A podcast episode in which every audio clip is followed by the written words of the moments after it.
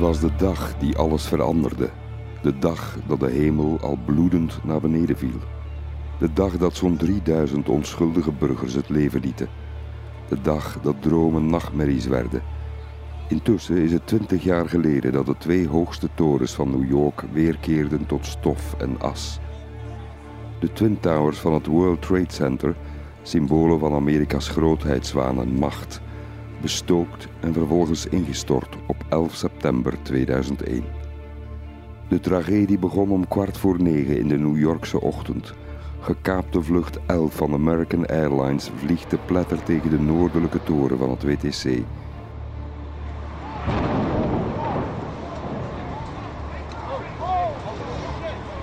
Een felle brand breekt uit. Duizenden mensen zitten als ratten in de val in het gebouw. Om drie over negen boort vlucht 175 van United Airlines zich in de zuidelijke toren van het World Trade Center. Gruwelijke tafereelen spelen zich af in het gebouw en de hele wereld kan het live volgen op tv. Tientallen mensen springen uit de ramen om de verschroeiende hitte te ontvluchten. Anderen plegen een wanhopige laatste telefoon naar huis of geliefden. Let you know I love you and I'm stuck in this building in New York. De wereld lijkt in brand te staan. Een derde vliegtuig, een gekaapte Boeing, laat zich neerstorten op het Pentagon in Washington, D.C., het militaire hart van de VS.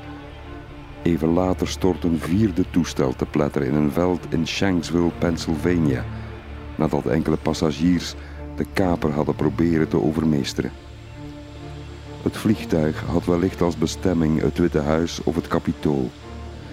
President Bush, op dat moment op bezoek in een schooltje in Florida, spreekt de natie voor het eerst toe, met zichtbare onthutsing en angst in de ogen. Today we've had a national tragedy. Two airplanes have crashed into the World Trade Center in an apparent terrorist attack on our country.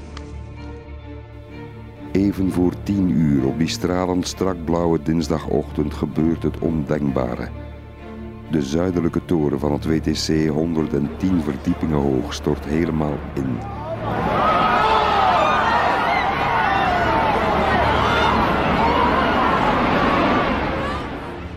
Een half uur later stuikt ook de Noordertoren in elkaar. De paniek is onbeschrijfelijk.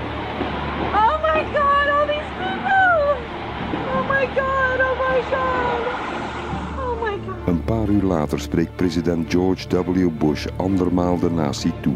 Today, our nation saw evil, the very worst of human nature. None of us will ever forget this day. Yet we go forward to defend freedom and all that is good and just in our world. Thank you. Good night. And God bless America.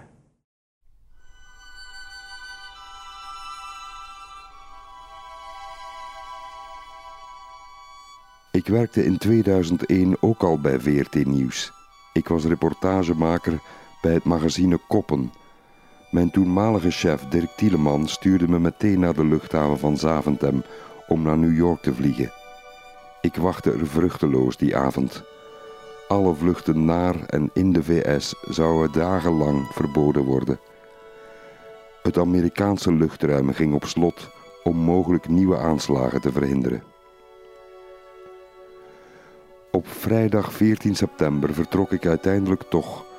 Thuis speelde mijn zoontje van toen zes jaar oud met enige angst de aanslagen na met knekstorens. Op de luchthaven werd om 12 uur middags met duizenden bevroren passagiers in de vertrekhal een indrukwekkende minuut stilte gehouden. Even later vloog ik samen met collega Jan Baljau naar Montreal in Canada. Van daaruit zouden we een hele nacht moeten rijden tot in New York. Pas de volgende dag, op zondag, na het verkrijgen van de nodige accreditaties bij de New Yorkse politie, zag ik voor het eerst de woestenij op Ground Zero. De ravage was misselijkmakend. Alles is leeg en verlaten. Duizenden reddingswerkers werken dag en nacht om overlevenden te vinden en puin te ruimen. Een onwaarschijnlijk werk. Ik was 33 jaar toen en zoiets had ik nog nooit gezien. Op straat kwam ik een New Yorkse vrouw tegen, een hoogleraar aan de Universiteit van Columbia.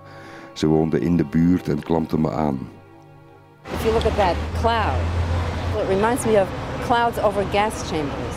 And if you think about it, what's in that cloud? It has to be burning bodies. They're not going to fill body bags. We're breathing it. De Amerikanen begrepen niet wat hen was overkomen. De anders zo assertieve New Yorkers werden plots ingetogen en stil. De hele wereld leefde met hen mee. De Franse krant Le Monde kopte indrukwekkend: Nous sommes tous des Américains.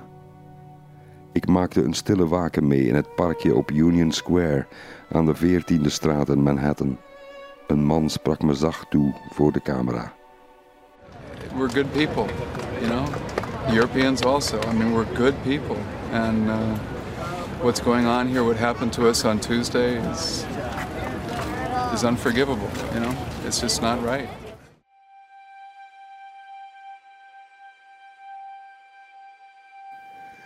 De tragedie trof alle bevolkingsgroepen, alle kleuren en religies van New York. Bij de doden en gewonden ook talloze Amerikaanse moslims. Op Atlantic Avenue, een heel diverse straat in Brooklyn, met veel Midden-Oosten winkeltjes en restaurants, zouden de dagen na de aanslagen heel wat zaken beklad worden. Amerikaanse moslims werden lastiggevallen en beschimpt. Het was het begin van een soort paranoia tegen de islamieten van de hele wereld.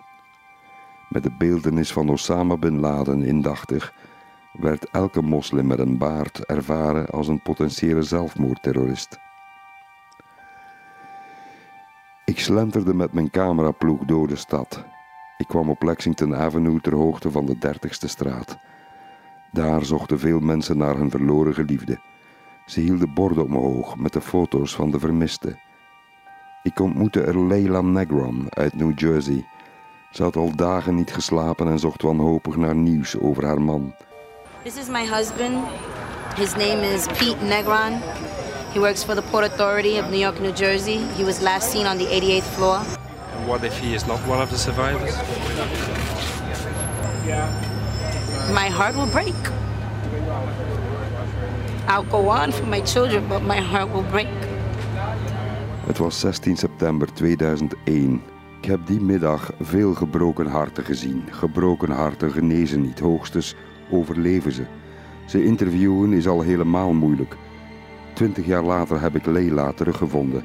Ze woont sinds een jaar of 15 in het stadje Port St. Lucie in Florida. Ik zocht haar op. Hi. Hi, Lila. Hi, how are you? 20 years? Yes, from come now? in, come in. You, you do not remember me, I think. no, I don't. course. I do remember wish you. Really Leila is van Puerto Ricaans-Italiaanse afkomst en probeert nog altijd te helen van 9-11. Leila had twee jonge zoons in 2001. Een baby van twee en een jongen van 12. Plots was ze weduwe.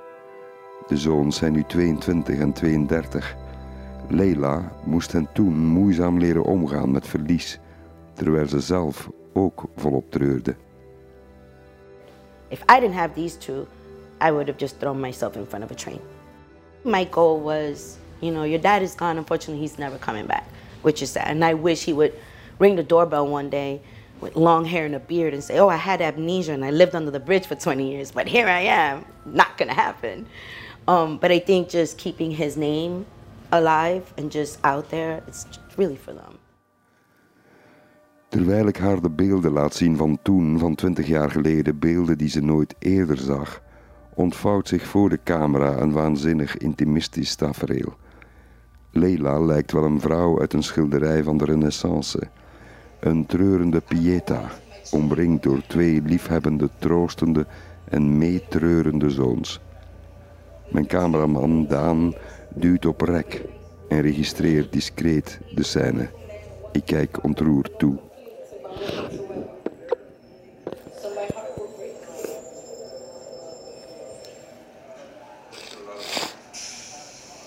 Leila weet nog goed hoe het was om haar oudste zoon van 12 op de been te houden.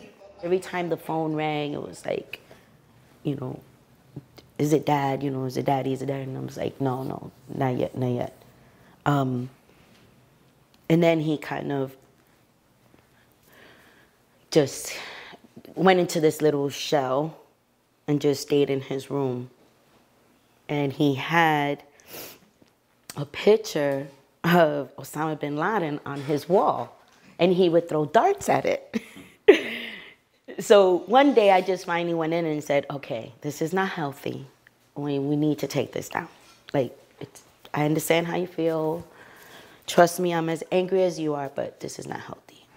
Elk verhaal over verlies snijdt als een mes door de ziel. Je denkt na over de gruwel die toeval heet in het leven. Leila is nu 54 en worstelt nog altijd met het drama. What really bothered me too was the night before he said, you know, I feel like just staying home, taking a day off and just staying home. And I remember looking at him and saying, "Yeah, you should do that. That would be that would be awesome. Like I be good because he worked so much." But when by the time I woke up to take him to school and do whatever, he was already gone. So I knew he went to work.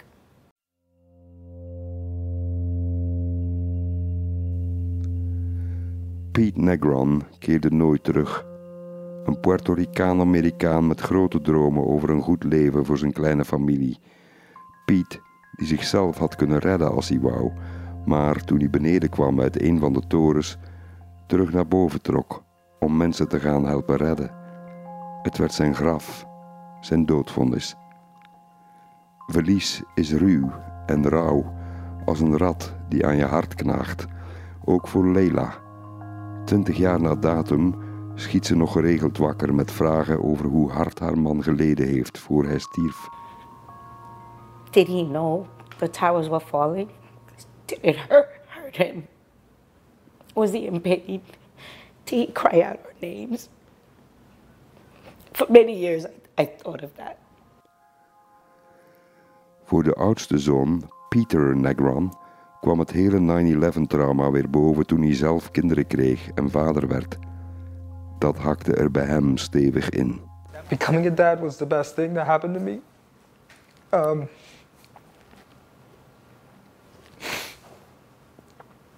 when I saw my daughter born, um, I knew it was something special. Um,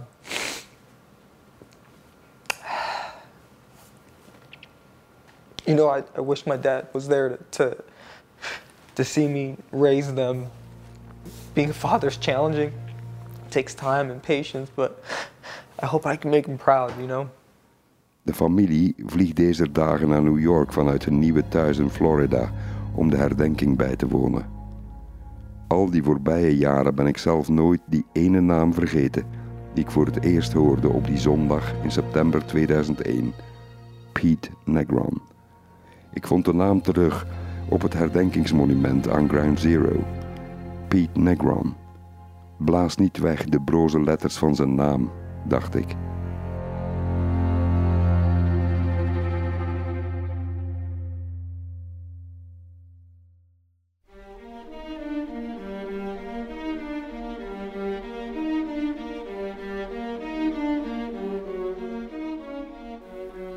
Twintig jaar later woon ik zelf in New York, al bijna vijf jaar. Ik loop graag rond op Ground Zero bij de nieuwe toren, tussen de stille toeristen en bezoekers die de tragedie van toen proberen te vatten. Ik ben niet de enige. Katelijne de Bakker woont al bijna een kwart eeuw in New York. 9-11 is een litteken voor haar en Ground Zero zelfs lange tijd een lastige plek. Ik kon hier niet komen. Als je België bent, krijg je vaak bezoek uit België. En de mensen wouden altijd, ah, gaan we naar Ground Zero. En de keren dat ik ben meegegaan, ik begon spontaan te wenen. En zei van, ik moet terug, ik kan dit niet. Uh, dat heeft echt een hele uh, erge impact op mij gehad. Die ochtend van 11 september 2001 veranderde het leven van miljoenen New Yorkers ook van de Vlamingen die hier wonen in de Big Apple, zoals kunstenaar Mark van Kouwenberg. Iedereen zag zoveel miserie, de economie viel door elkaar, je kon niet naar huis, uh, er waren zoveel problemen, uh, de destructie lag voor de deur, de auto's, stukken van gebouwen, dus alles lag in vernieling. Jacqueline Goossens, chroniqueuse van de stad, en al 41 jaar New Yorker, was 26 toen ze in 1980 naar de hoofdstad van de wereld verhuisde. Ze heeft de stad vele keren zien vallen en telkens weer kwam de heropstanding. Ook voor haar is 9-11 een ankerpunt. Een beeld dat mij altijd is bijgebleven, dat was zo vrouwen, Latino-vrouwen, die op hun knieën zaten te bidden, heel intens te bidden. En in al die chaos en al die emoties was er een zwart meisje die zei: America had it coming, zei ze. America had it coming. Had Amerika het kunnen weten? Dat is de kwestie. 9-11 kwam niet zomaar uit de lucht vallen. De VS had de grote aanslagengolf van 11 september niet zien aankomen, vreemd genoeg niet, want de wereld was daarvoor al een hele tijd onrustig, zo'n tien jaar voor 9-11. In het WTC in New York was al eens eerder een aanslag gepleegd met een grote bom in de parkeergarage van het WTC. Zes doden vielen er toen. Vijf jaar later, in 1998, had Al-Qaeda honderden Amerikanen gedood bij het opblazen van de Amerikaanse ambassade van Tanzania en Kenia. Amerikanen vergeten nogal snel.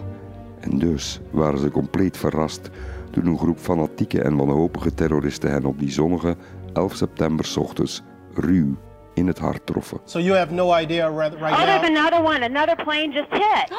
right. Oh my God! Another plane has just hit. It hit another building. Flew right into the middle of it. Explosion. My God! It's right in the middle of the building. This one into the east tower. Yes. De Amerikanen hadden het kunnen weten, maar ze wilden het niet zien. De CIA deed uiteindelijk niets met de informatie over mannen zoals Mohammed Atta, een man uit Cairo die stadsplanning had gestudeerd in Hamburg. Atta, die samen met anderen in de VS verschillende vliegopleidingen volgde en maanden later in de noordelijke WTC-toren zou vliegen. Nochtans had FBI-agent Ken Williams de informatie over de verdachte vlieglessen doorgespeeld aan zijn oversten in Washington en New York. Zijn rapport staat bekend als het nu legendarische Phoenix Memorandum. Een veronachtzaamd waarschuwingsschot tijdens de luie zomermaanden voor 9-11. De grootste terreuraanslagen ooit hadden dus wellicht voorkomen kunnen worden. De informatie was er. De CIA wist eigenlijk heel veel, maar deed er niets mee. 23 ongebruikte tips. Zo kwamen we onder meer te weten achteraf dat Atta zijn frustraties al had ontwikkeld over de gang van de wereld toen hij voor zijn scriptie onderzoek deed naar de vervreemdende werking voor verpauperde bewoners van hoogbouwprojecten in de Syrische stad Aleppo. Niet toevallig wilde Atta met zijn aanslag de meest megalomane hoogbouw van New York in de as leggen. Exact één maand na het beruchte memorandum van FBI-agent Williams schreef Zacharias Moussaoui, een Franse Marokkaan, zich in bij de Pan Am International Flight Academy in Minneapolis, waar hij wilde leren vliegen op een Boeing 747, het type vliegtuig waarmee de kapers op 11 september hun terreurdaad zouden voltrekken. Moussaoui werd gearresteerd na een tip van de vlieginstructeurs op 16 augustus 2001, ruim drie weken voor de aanslagen. Maar de plaatselijke FBI-agenten in Minneapolis kregen na zijn arrestatie geen toestemming van hun bazen om zijn laptop en zijn kamer te doorzoeken. Een fatale misrekening van de top van de FBI. Het onderzoek van de laptop, toen was het al te laat, bleek de connectie met de andere kapers. 9-11 had voorkomen kunnen worden. Daar bestaat geen twijfel over.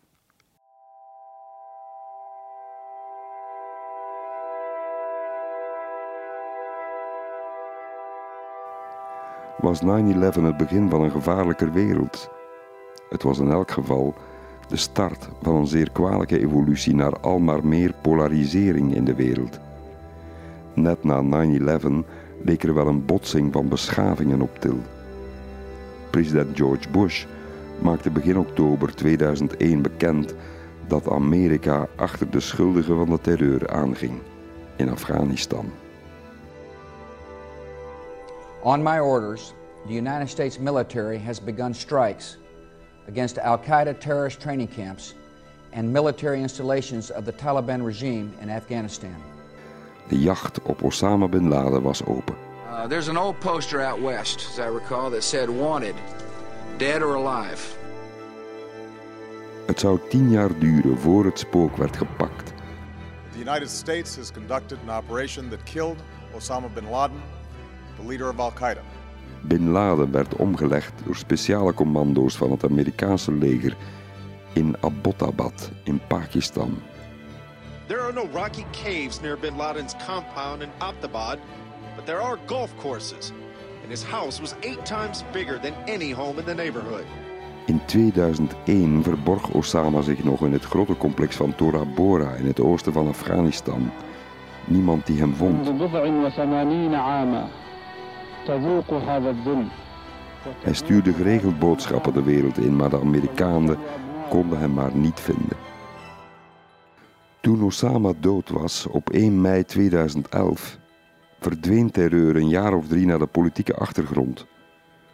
Tot de extremistische terreurbeweging IS, Islamitische Staat, in de lente van 2014 op de proppen kwam.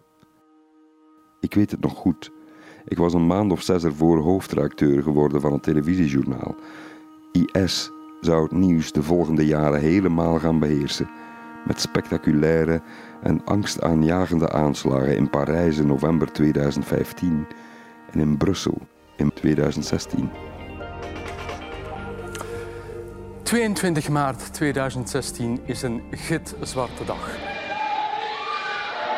Terroristen hebben vanochtend zware aanslagen gepleegd op de meest kwetsbare plaatsen van ons land. De nationale luchthaven in Zaventem en het metronetwerk van de hoofdstad.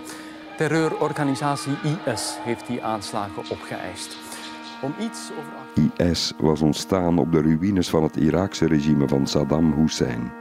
Ook in Irak waren de Amerikanen ten oorlog getrokken eind maart 2003. We will tear down the apparatus of terror and we will help you to build a new Iraq that is prosperous and free. De oorlog was een ramp. Saddam werd verdreven en pas maanden later teruggevonden, ergens in een hol. We got him. De oorlog was begonnen onder valse voorwendselen over zogezegde massavernietigingswapens in Irak. Ze werden nooit gevonden. De oorlog verdeelde het Westen. Overal braken protesten tegen de oorlog uit. De polarisering was begonnen.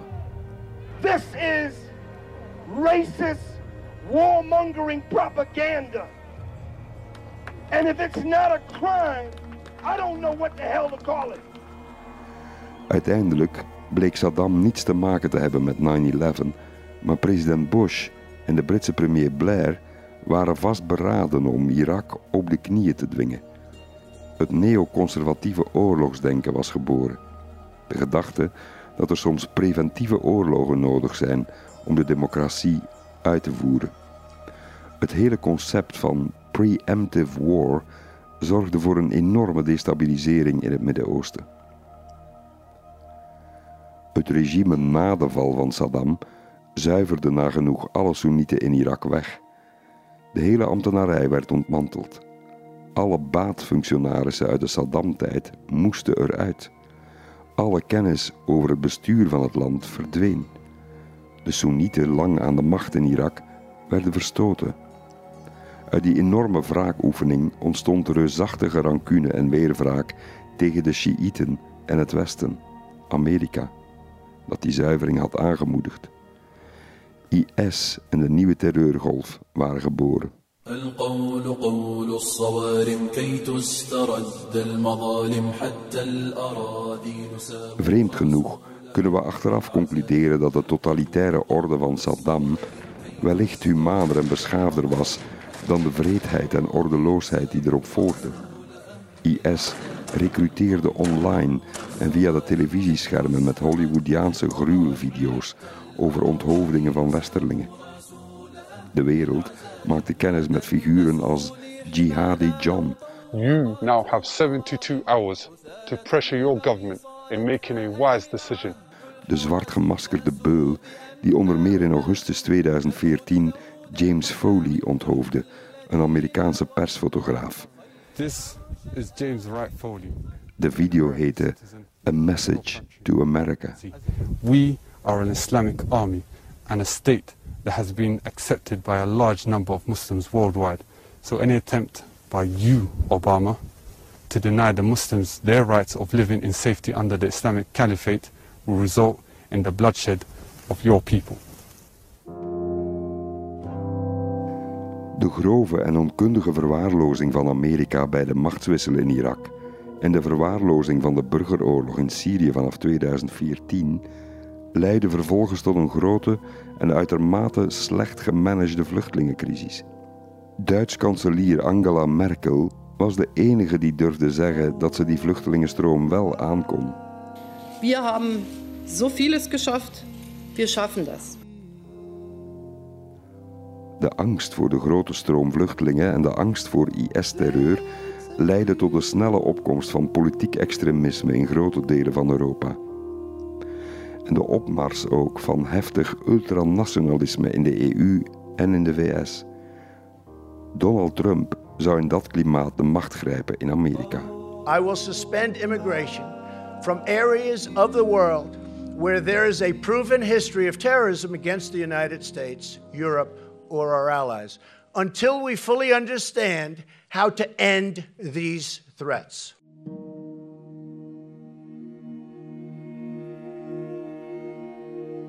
Na 9-11 werd de terreurdreiging aangegrepen om vrijheden van burgers in te perken.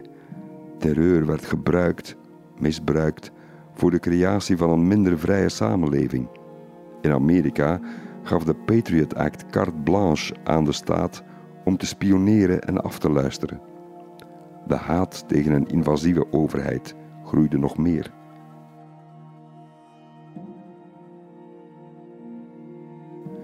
De angst werd er van staatswegen ingelepeld. Het leek alsof het Westen in oorlog was met de islam, terwijl Al-Qaeda en IS in feite geen grotere vijand was dan pakweg de Rode Armee-fractie, de ETA, het IRA en de Rode Brigades in de jaren 70, 80 of 90 van de vorige eeuw. De waarschuwingen dat Europa en de VS ten onder zouden gaan in een vlammenzee waren het type hysterie dat altijd volgt op een traumatische gebeurtenis, schreef de Israëlische journalist David Rosenberg na de aanslagen van 22 maart 2016 in Brussel. Voor 9-11 gebeurde, werd Al-Qaeda min of meer beschouwd als een ergerlijke stoorzender in de wereld. Na 9-11 was Al-Qaeda plots vijand nummer 1, terwijl het eigenlijk voornamelijk een los vast samenraapsel was van lokale bendes ongeregeld, op zoek naar aandacht met daden van terreur en barbarij. Al-Qaeda veroverde in de moslimwereld nooit het hart van de doorsnee gelovigen.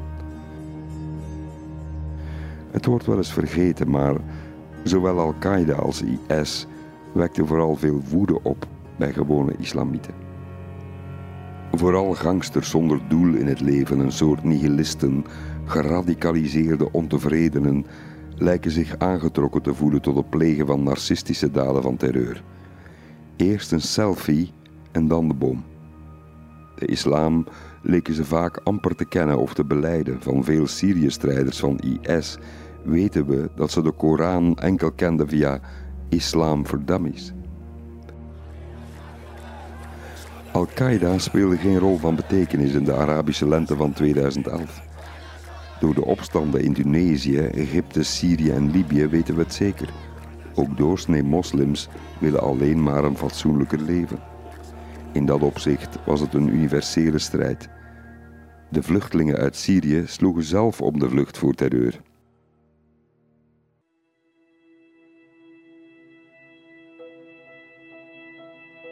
Het is de globalisering na 9-11 en de groeiende ongelijkheid die in een stroomversnelling zijn gekomen de afgelopen twintig jaar.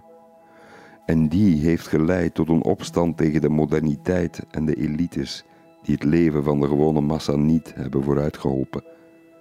Globalisering leidde tot onvrede en grote woede en paradoxaal genoeg ook tot een vorm van provincialisme dat meestal op etnische of godsdienstige identiteit berust. Men sluit zich op in een kleine groep een kwade en extreme groep, om te kunnen blijven vasthouden aan wat uit het leven dreigt weg te glippen. Dat het provincialisme in de opmars is, kijk maar naar de Brexit van 2016, komt volgens de gerenommeerde Amerikaanse journalist-schrijver Robert Kaplan, een man die ik verschillende keren mocht interviewen in de VS, doordat overheden fel zijn verzwakt vanwege de moderne communicatiemiddelen en door onderlinge economische afhankelijkheid. Daardoor is de wereld verbrokkeld. De evolutie is versneld door 9-11. You no longer have um, stable imperial systems in place. You no longer have this bipolarity of the Cold War, which was much more stable than the multipolarity that we have now. Sinds de versnelde globalisering vanaf 9-11 is de islam veranderd van een traditionele streekgebonden religie in een dogmatische, ideologische godsdienst. Die biedt moreel houvast in de anonieme, verarmde krottenwijken waar mensen minder kunnen terugvallen op familie en verwanten. In die onpersoonlijke omgeving lopen de extreem religieuze gevoelens hoog op, zegt Kaplan.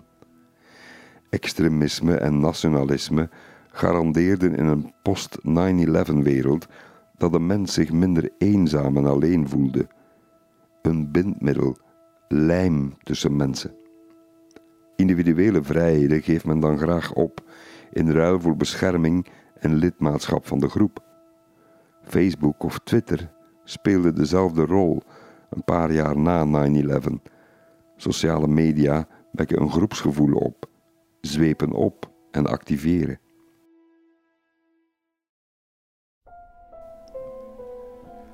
Na 9-11 werd de roep bij minderheidsgroepen voor meer rechten steeds luider. Die roep viel bij een grote groep doorsneemensen, de achtergestelden van de globalisering, de zogenaamde deplorables, in dovenmansoren.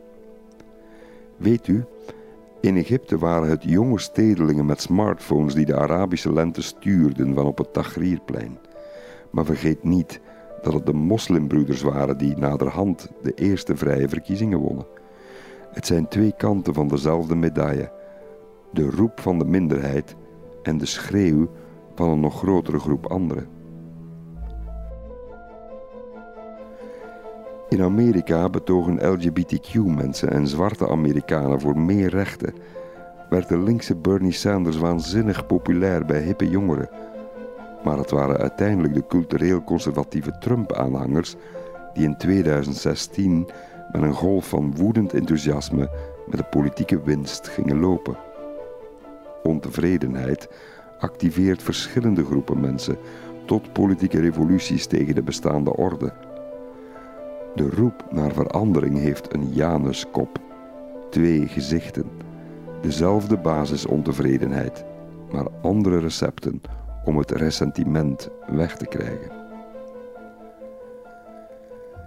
In Afghanistan speelt dezelfde paradox. Door twintig jaar Amerikaanse aanwezigheid werd het leven van een aanzienlijke groep vrouwen en meisjes fors beter. Eindelijk konden of mochten ze naar school. Eindelijk mochten ze zonder boerka de straat op of naar het schoonheidssalon zonder angst. Tegelijk bleef de rest van het land andere aspiraties koesteren of etterde de woede tegen het Westen of hun eigen corrupte overheid voort. Eén keer het Westen in chaotische omstandigheden vertrok, stuikte de generatie vooruitgang voor de vrouwen ogenschijnlijk als een kaartenhuis in elkaar.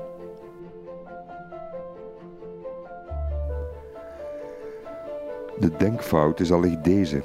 De meerderheid van het land kan niet lezen of schrijven, heeft een diepe haat tegen westerse bemoeienis ontwikkeld en verzet zich tegen moderniteit die hen niets heeft opgeleverd. Dat was en is de misrekening van het tv-publiek als het de schokkende beelden ziet van vluchtende westerlingen en een minderheid Afghanen die het land verlaten. Het is nog maar eens een bewijs dat het exporteren van moderniteit niet zomaar werkt. We denken soms te weinig na als we naar het nieuws kijken.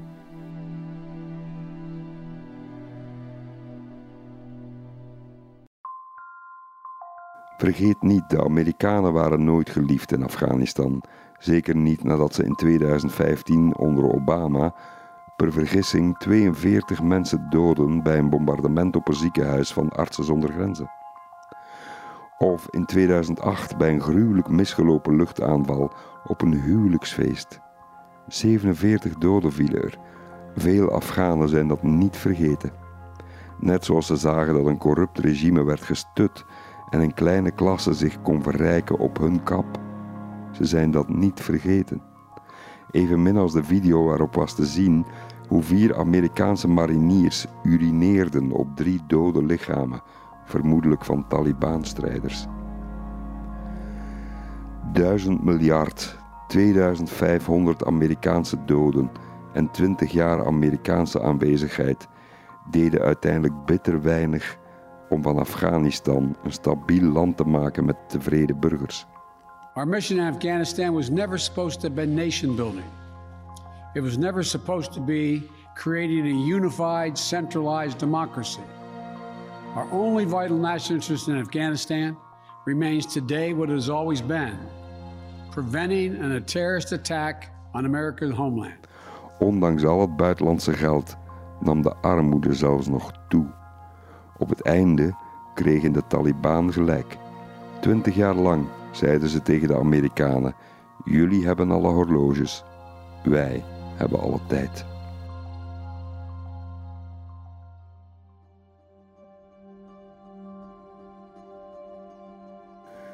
Modernisering op zijn westers in landen die dat niet kunnen of willen, landen met een andere traditie en een andere geschiedenis en cultuur, leidt bijna altijd tot de geboorte van fanatisme en verzet, schrijft Pankaj Mishra in zijn wonderbaarlijke boek Age of Anger uit 2016. Kijk naar Iran. In de jaren 70 van de vorige eeuw verwesterste de Shah van Iran zijn land. Dat was fijn voor een bepaalde groep Iraniërs, maar niet zo fijn voor een veel grotere groep anderen die in sloppenwijken moesten leven of de grote ongelijkheid aan den lijve ervaarden. De haat tegen de moderniteit en tegen de Shah leidde tot de islamitische revolutie van de Ayatollah Khomeini in 1979. Khomeini returned a hero, the man who from long distance had led the revolution to topple the Shah. In an obvious reference to the United States, he said, Foreign advisors have ruined our culture and have taken our oil. In landen waar woedende verschoppelingen slechts economische groei of vooruitgang merken voor een kleine groep, wordt westerse democratie beschouwd als een spel voor machtigen, rijken en geconnecteerden. Sedert 9-11 is de wereld in de ban van de woedende malcontenten. Alle frustraties kwamen bovendrijven. Sommige analisten spreken van een global civil war, een wereldwijde oorlog tussen burgers. Het diepe verlangen van veel van die burgers naar meer billijkheid, meer rechtvaardigheid en gelijkheid van kansen wordt danig gedwarsboomd. Zo verliest de democratie of het geloof erin steeds meer van haar pluimen. En dat is zonder meer tragisch. Wraakgevoelens uiten zich in extreem stemgedrag of onverdraagzame haattaal op het internet, moord door woord en een groeiend verlangen om het hele systeem te slopen en alle bekende vormen van autoriteit te ondermijnen, van pers en gerecht tot politiek, economie en cultuur. De wereld lijkt het noorden kwijt. Het ooit onwrikbare vooruitgangsdenken ligt aan scherven. Een noodzakelijk basisoptimisme over de toekomst is sinds 9-11 in rook opgegaan. Het systeem lijkt zijn morele ruggengraat kwijt. Het sociale contract zieltoogt. Solidariteit is steeds meer een scheldwoord.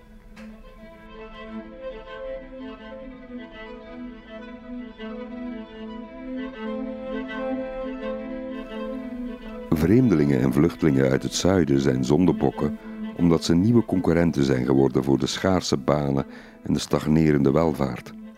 De angst om nog meer te verliezen van wat er nog is, manifesteert zich in meedogenloosheid voor minderheidsgroepen die ook aanspraak maken op een deel van de koek.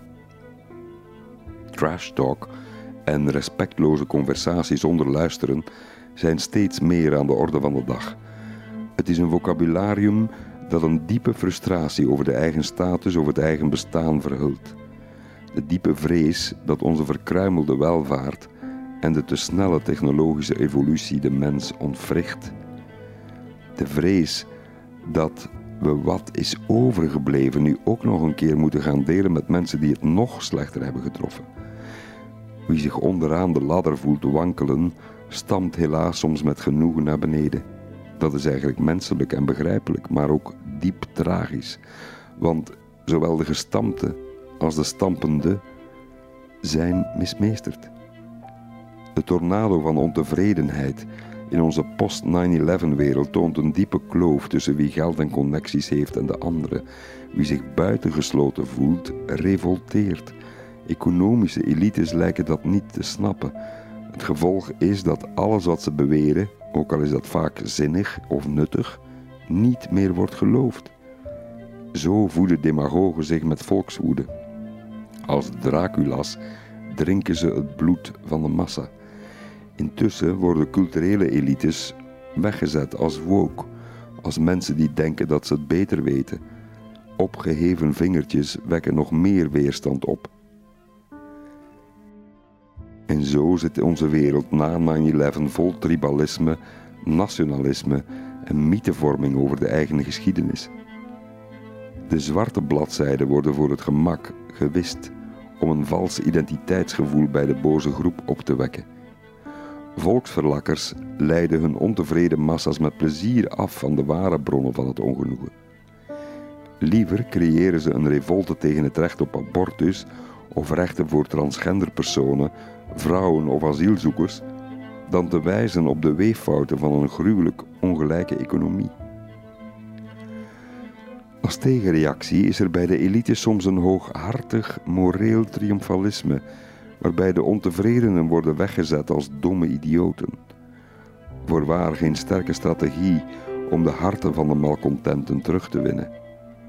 Daarom won Trump 15 jaar na 9-11 de Amerikaanse presidentsverkiezingen. De komst van een fatsoenlijke Joe Biden vier jaar later heeft de ontevredenheid van de Trump-stemmers niet weggezogen.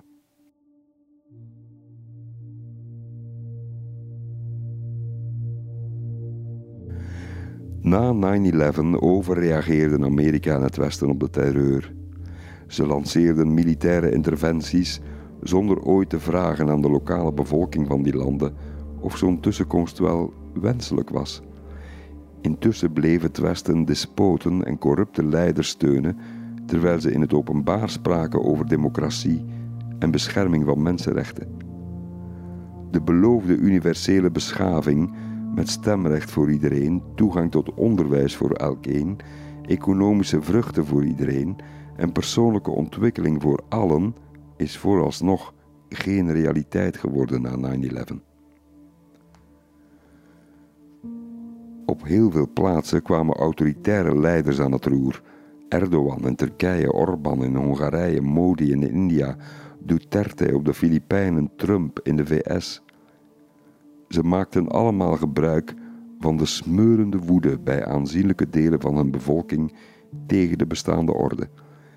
Een bestaande orde, laten we eerlijk zijn, die grote delen van de bevolking wel degelijk in de steek liet.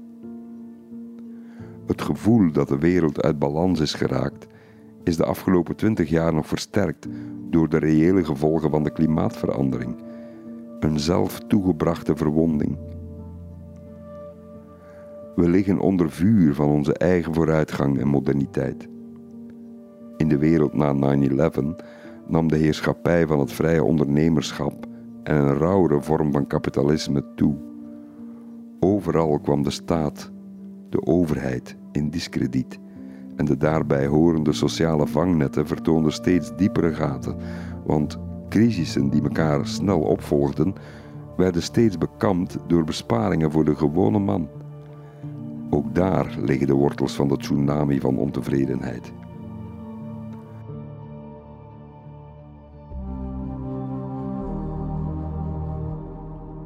De groeiende denkstijl van the West against the rest sinds 9-11 verklaart mede waarom dit tijdperk in woede, angst en onthutsing over de toekomst is gedrenkt. In 1989 voorspelde de Amerikaanse historicus Francis Fukuyama nog het einde van de geschiedenis, waarmee hij bedoelde dat het westerse kapitalistische model het pleit had gewonnen. Dertig jaar later lijkt de geschiedenis alsnog een verhaal met een open en twijfelachtig einde. 9-11 speelde daar een grote rol in. In het Westen beseffen steeds meer mensen dat de vooruitgang een beetje gestopt lijkt, een plateau heeft bereikt, dat de rest van de wereld staat te dringen om ook mee te doen. Aan het begin van de 20e eeuw leefde ook zo'n gevoel dat de wereld een beetje geblokkeerd zat en dat vooruitgang en ontwikkeling meer en meer een verhullende façade bleken. En toen kwamen twee wereldoorlogen als een soort detergent de wereld een reboot geven, na eerst heel veel pijn en ellende, met 85 miljoen doden. Ook nu geven mensen zich over aan autoritaire leiders, omdat de democratie vierkant draait en hen niet meer kan laten behouden wat ze nog hebben. Vandaar het succes van boodschappen die de utopie van de toekomst in het verleden leggen. Make America Great Again.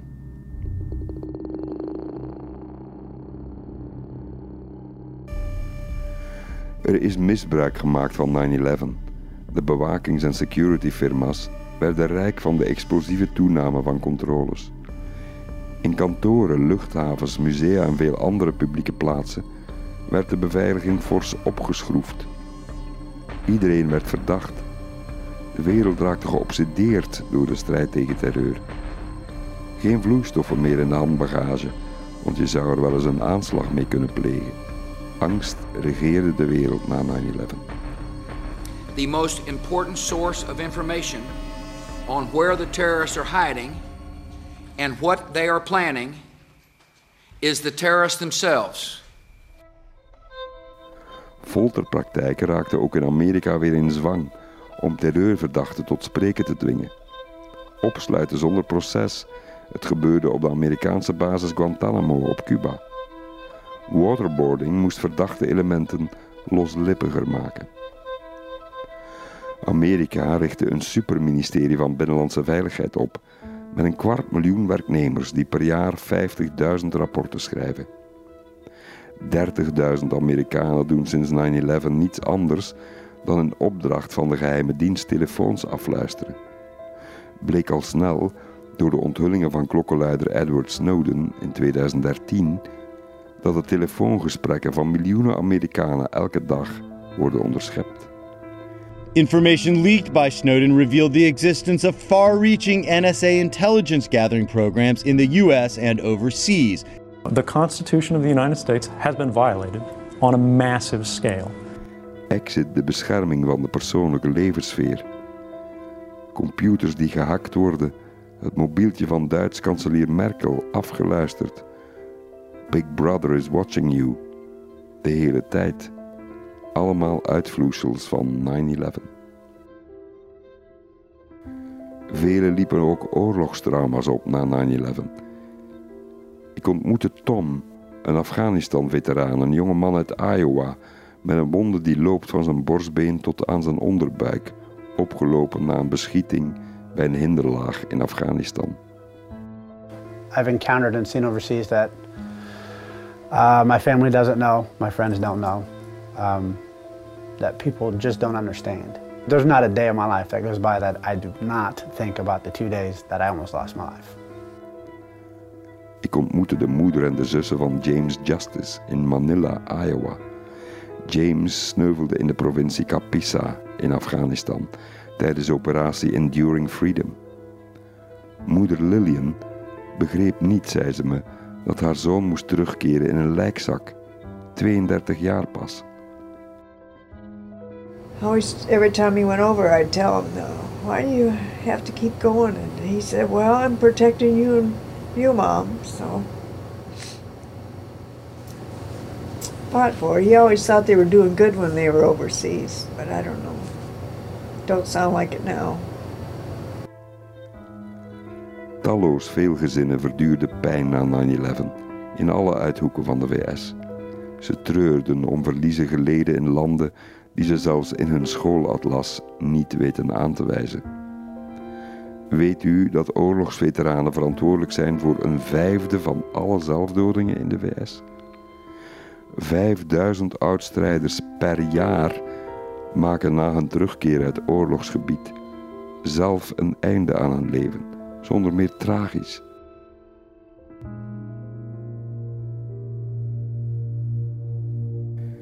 De wereld zit soms cynisch in elkaar. Afghanistan werd het toneel van bommen en granaten, terwijl 9-11 werd bedacht door Saoedi's en Pakistanen. Maar Pakistan is een kernmacht en een broze bondgenoot. Saoedi-Arabië heeft de olie en het geld dat de wereld graag willen. Jazeker, officieel was de bedoeling nobel.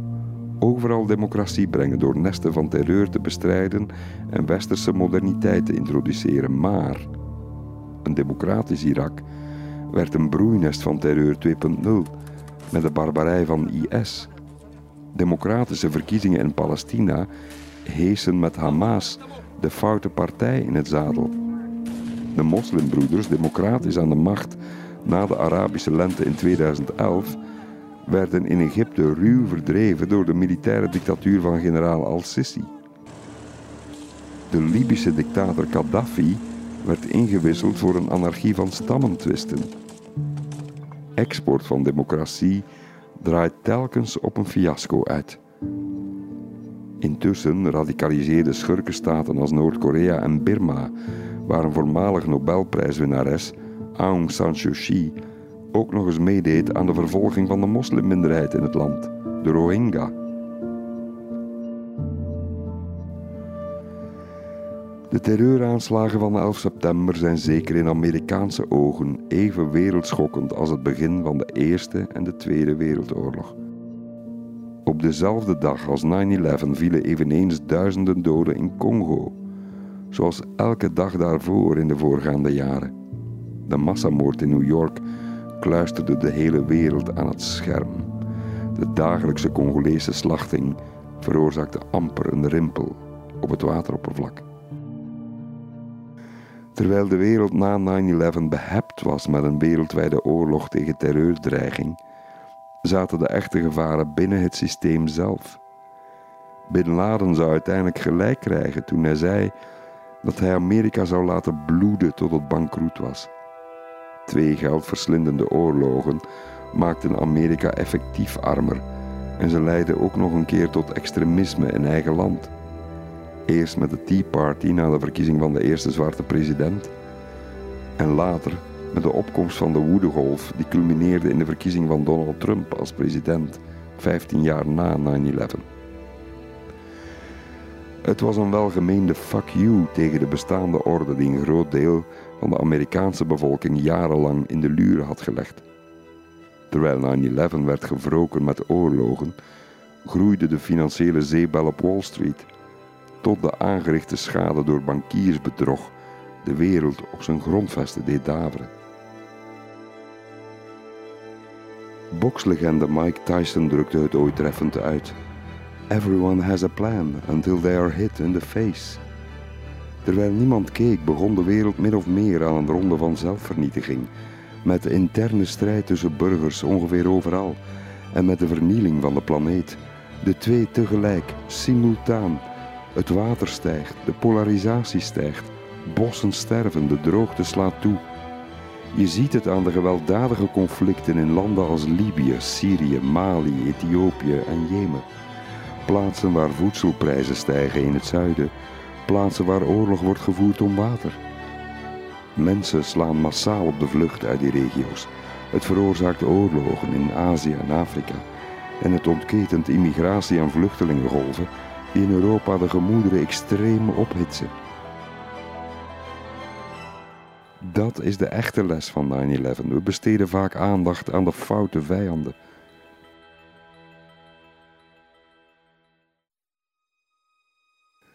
Deze tijd, 20 jaar na 9-11, voelt mateloos en wankel.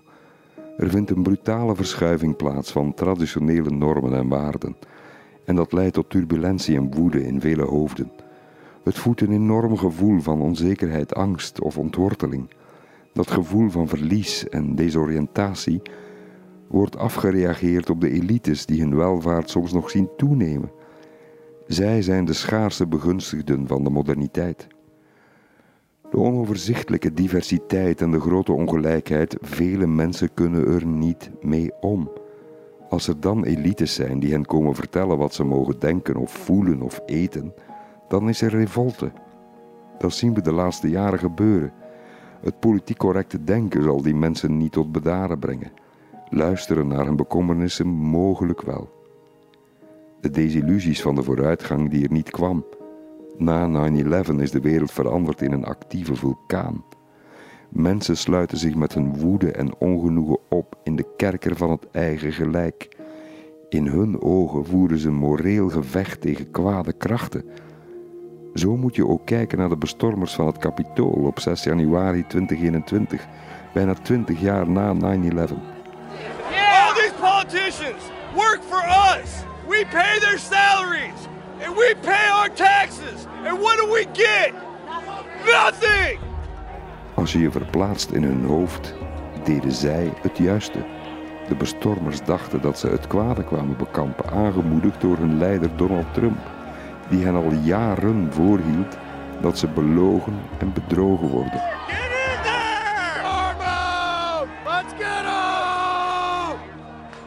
Eigenlijk, als je erover nadenkt, kampen die mensen met een vorm van diepe depressie. Frustraties, opgekropte woede, machteloosheid, geknakte dromen.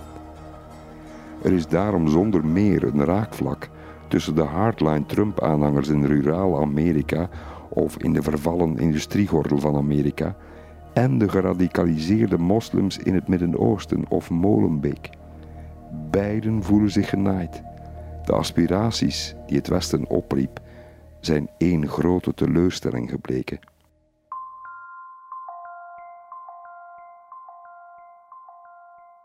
Geen wonder wellicht dat door de doorgeslagen kapitalistische cultuur van individualistische zelfontplooiing en de steeds grotere aspiraties over het leven en de wereld, het aantal zelfdodingen in de VS sinds 9-11 met 40% gestegen is. Het druggebruik en de overdosissen zijn geëxplodeerd. Bijna 100.000 drugdoden in 2020. 100.000. Sinds 9-11 is het aantal klinische depressies in de VS met de helft gestegen. Sombere vaststellingen 20 jaar na die 11 september. Eén lichtpuntje toch uit een recente peiling bij 14 tot 18-jarigen in de VS blijft nog altijd vertrouwen in de toekomst, ondanks turbulentie, ondanks verdeeldheid tussen mensen. Jongeren zien in de onvrede dus kansen op een betere wereld. En dat is hoopgevend. Wie slaagt erin om het vertrouwen van grote delen van de bevolking te herstellen? Wie slaagt erin om de Amerikaanse bevolking en de rest van de wereld weer een gevoel te geven dat ze ergens bij horen, zelfrespect terug te geven? Dat kan door de problemen te erkennen en te luisteren naar de zorgen. Amerika begon 250 jaar geleden als een idealistische droom, waarbij een ingenieus politiek systeem het leven van de mens tot een soort paradijs op aarde moest maken. Het draaide helaas anders uit. It's not what you thought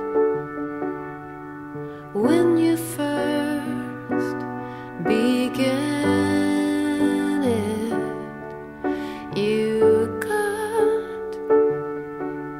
what you